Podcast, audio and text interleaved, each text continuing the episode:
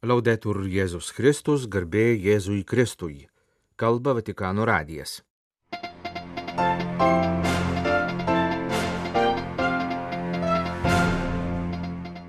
Popiežius prieimė maldininkus iš Argentinos atvykusius sekmadienį dalyvauti argentinietės vienuolės skelbimo šventąją iškilmėje.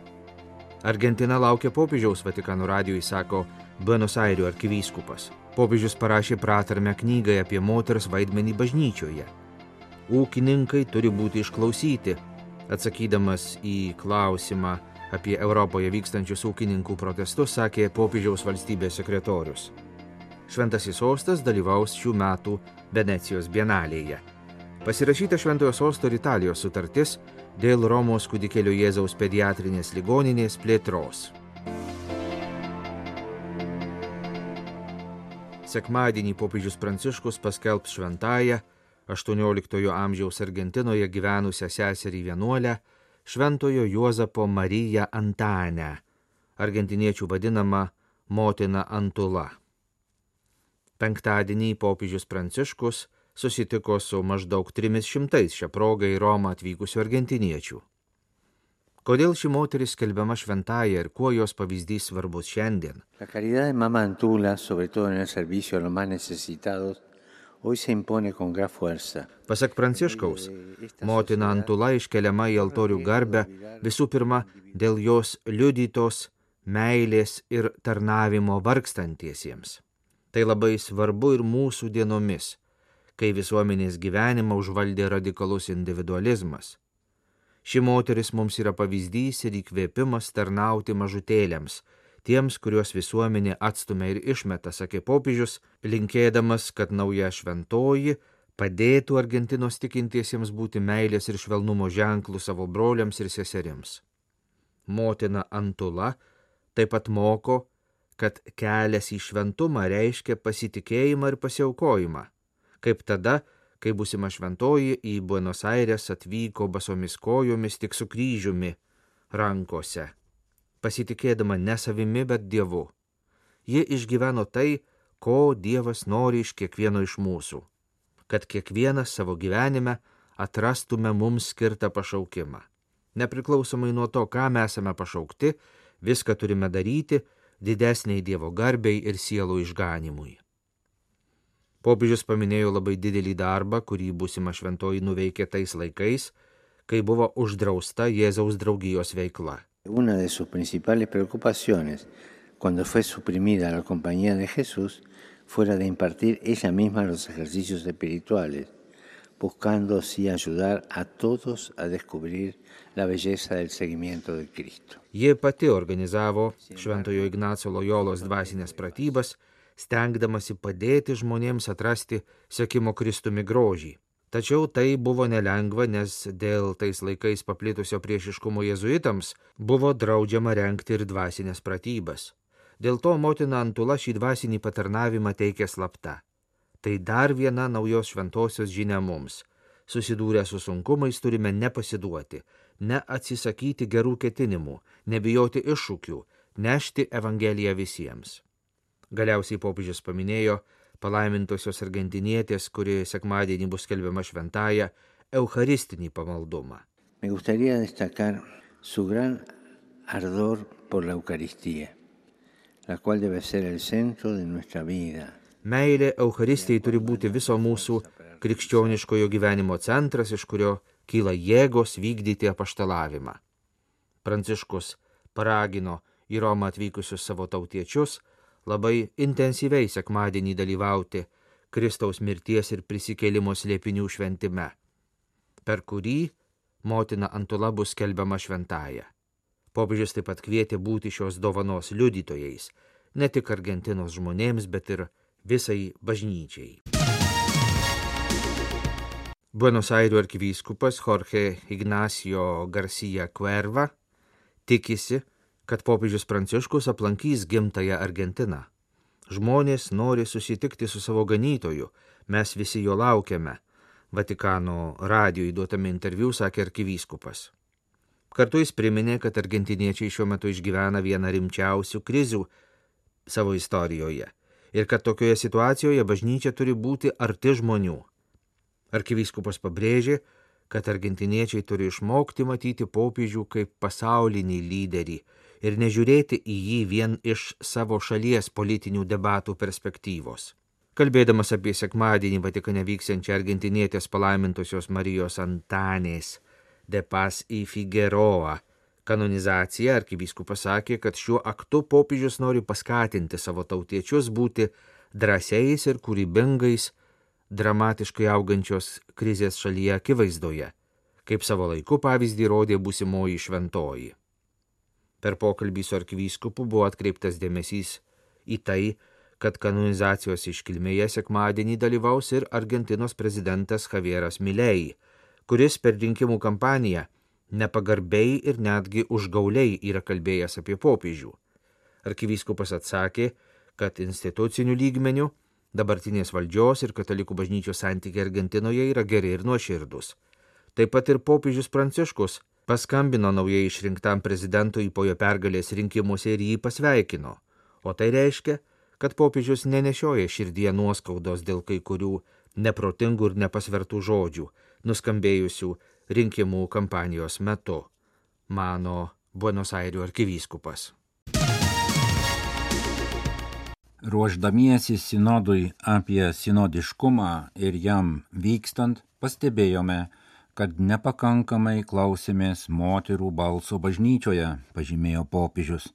Kreipdamasis per naujo veikalo apie moters vaidmenį bažnyčioje pratarme, Pranciškus karštai paragino vyrus klausytis moterų, atkreipti dėmesį į moters perspektyvą, kad auktų abipusiškumo samoningumas. Moterų dalyvavimas ir įnašas į bažnyčios gyvenimą ir tikinčiųjų bendruomenės augimą per maldą, mąstymą ir veiksmus visada buvo bažnyčia praturtinanti tikrovė dar daugiau, sudaro jos tapatybę. Būtent todėl anot Pranciškaus reikia vieni kitų klausytis, kad kartu nuvyriškintume bažnyčią, pripažintume deramą vaidmenį moterims. Nuvyriškinti bažnyčią yra trijų teologų, įskaitant dviejų moterų veikalas apie teologo Hanso Urs von Baltazaro apibrieštus Marijinį ir Petrinį principus. Bažnyčia dar turi daug ką išmokti, pažymėjo pratarmėje Pranciškus pasidžiaugęs, kad teologų Linda Pocher, Lučija Vantinį ir kunigo Luka Kastiljonį veikale dėstomos mintys apie moters vaidmenį praturtino šią savaitę Vatikane įvykusio popiežiaus kardinolų tarybos posėdį. Pridūręs, kad moters vaidmens bažnyčioje tema jam yra brangi, popiežius patikino, kad veikale dėstomos mintys yra linkusios į atvirumą, neužsidarimą. Jos provokuoja mąstyti, kviečia ieškoti ir padeda melstis. Beje, popiežius pratarmėje užsiminė, kad būtent todėl jis pakvietė teologę kardinolų tarybos posėdėje pasidalyti mintimis apie moters vaidmenį bažnyčioje, Pranciškus patikslino, kad bažnyčios nuvyriškinimo reikia todėl, kad bažnyčia yra vyrų ir moterų, kurie dalyjasi tuo pačiu tikėjimu ir krikšto orumu bendrystė. Anot popiežiaus, klausydamiesi moterų, vyrai galės išgirsti matančius tikrovę iš kitos perspektyvos ir atitinkamai peržiūrėti savo projektus ir prioritetus. Kartais esame sumišę, sutrikę, kartais tai, ką išgirstame, yra visiškai nauja. Taip nauja ir visiškai nepanašu į mūsų mąstymo būdą ir nusistatymą, kad mums atrodo kaip kvailystė, kartais mus gazdina. Tačiau anot popiežiaus toks sumišimas yra sveikas, jis padeda aukti. Reikia kantrybės, abipusės pagarbos, klausimosi ir atvirumo, kad tikrai galėtume mokytis vieni iš kitų ir žengtume pirmyn kaip viena Dievo tauta, turtinga skirtingumais, tačiau einanti kartu. Galutinis tikslas yra Dievo rankose, pažymėjo popiežius, paraginęs melstį šventąją dvasę, kad padėtų suprasti ir atrasti veiksmingo kalbėjimo ir mąstymo būdus, kaip kreiptis į nūdienos moteris ir vyrus bažnyčioje ir pasaulyje, kad auktų abipusiškumo samoningumas, vyrų ir moterų bendradarbiavimas. Kalba Vatikano radijas, tęsėme programą. Ūkininkai turi būti išklausyti, turi vykti dialogas. Reikia parodyti jiems daugiau dėmesio, nes mažų ir vidutinių ūkių vaidmuo yra labai svarbus kaimo vietovių ateičiai, kalbėjo Vatikano valstybės sekretorius kardinolas Pietro Parolinas, atsakydamas į žurnalistų klausimus apie Italijoje ir visoje Europoje vykstančius ūkininkų protestus. Kardinolo pokalbis su žurnalistais įvyko ketvirtadienio vakarą po Italijos ambasadoje prie Šventojo Sosto vykusio renginio skirto Italijos ir Šventojo Sosto konkordato atnaujinimo 40-osioms metinėms. Kaip visose visuomenės gyvenimo ir ekonomikos rytise, taip ir žemės ūkio politikų sferoje, visų priimamų sprendimų tikslas turi būti žmogus, jo orumo apsaugojimas, siekimas sudaryti jam galimybės pačiu geriausiu būdu prisidėti prie bendrojo gėrio kūrimo kalbėjo kardinolas popiežiaus valstybės sekretorius.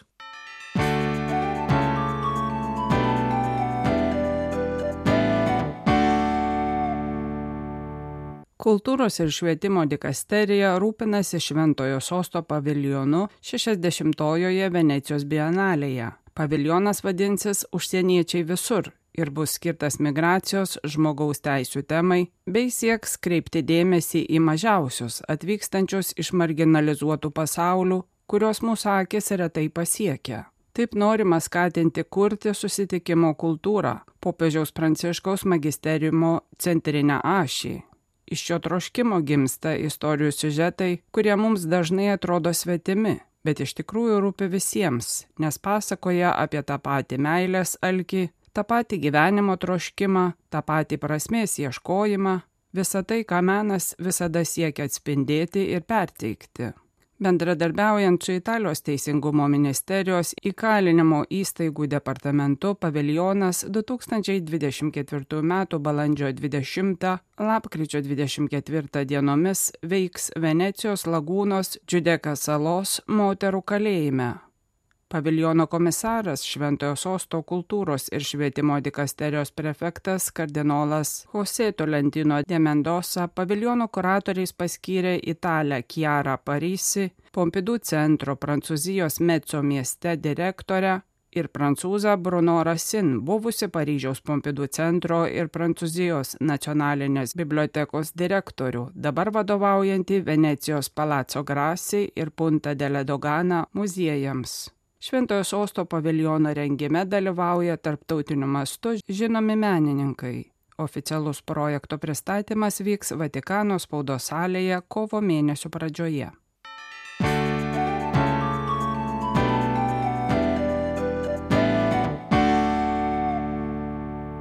Vasario 8-ąją bendru Italijos vyriausybės ir Šventojo sosto pranešimu informuojama apie pasirašytą ketinimų protokolą perkelti kūdikėlio Jėzaus bambino džiazų ligoninę į buvusios valstybinės ligoninės Karlo Forlanini teritoriją Romos mieste.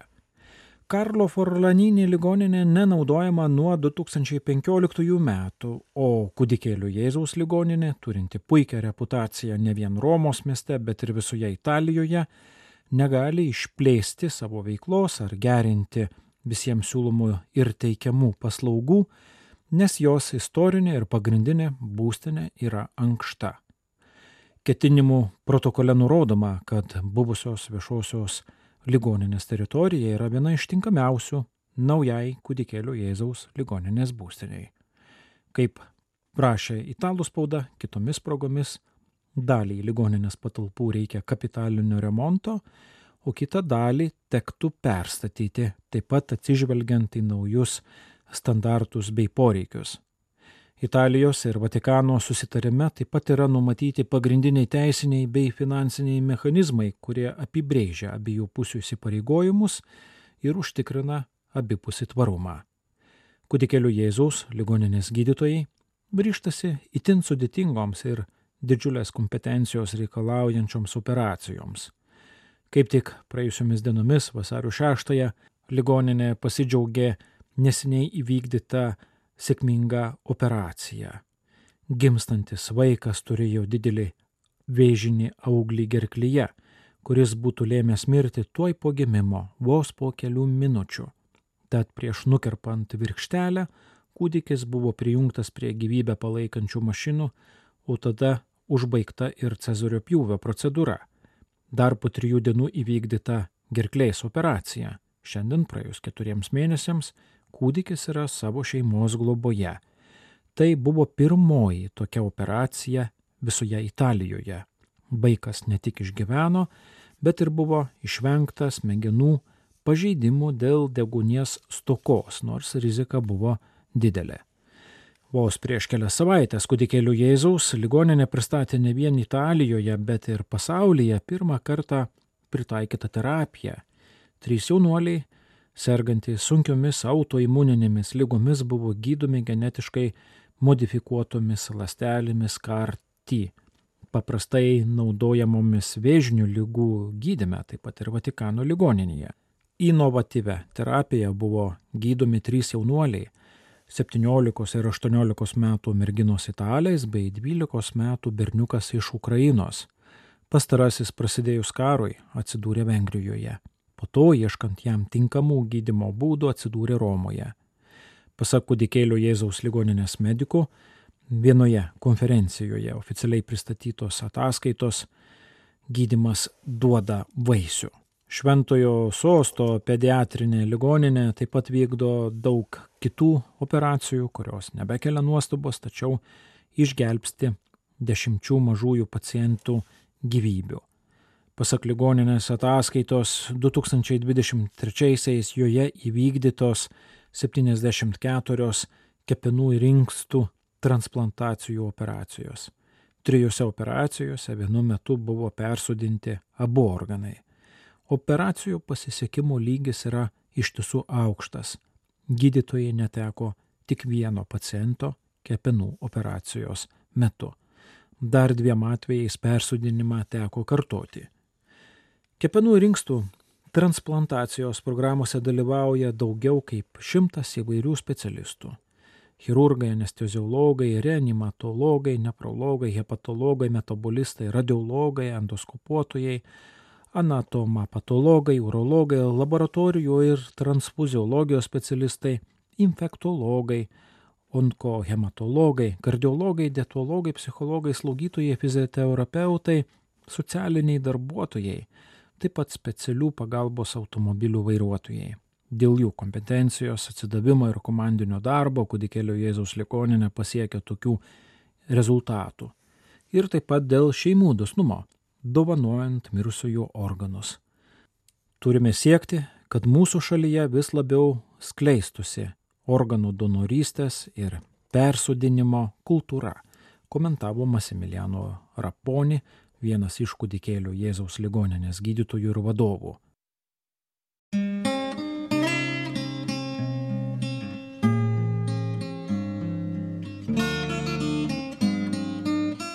Kalba Vatikano radijas. Laidą lietuvių kalba baigėme. Garbėjai Jėzui Kristui, laudetur Jėzus Kristus.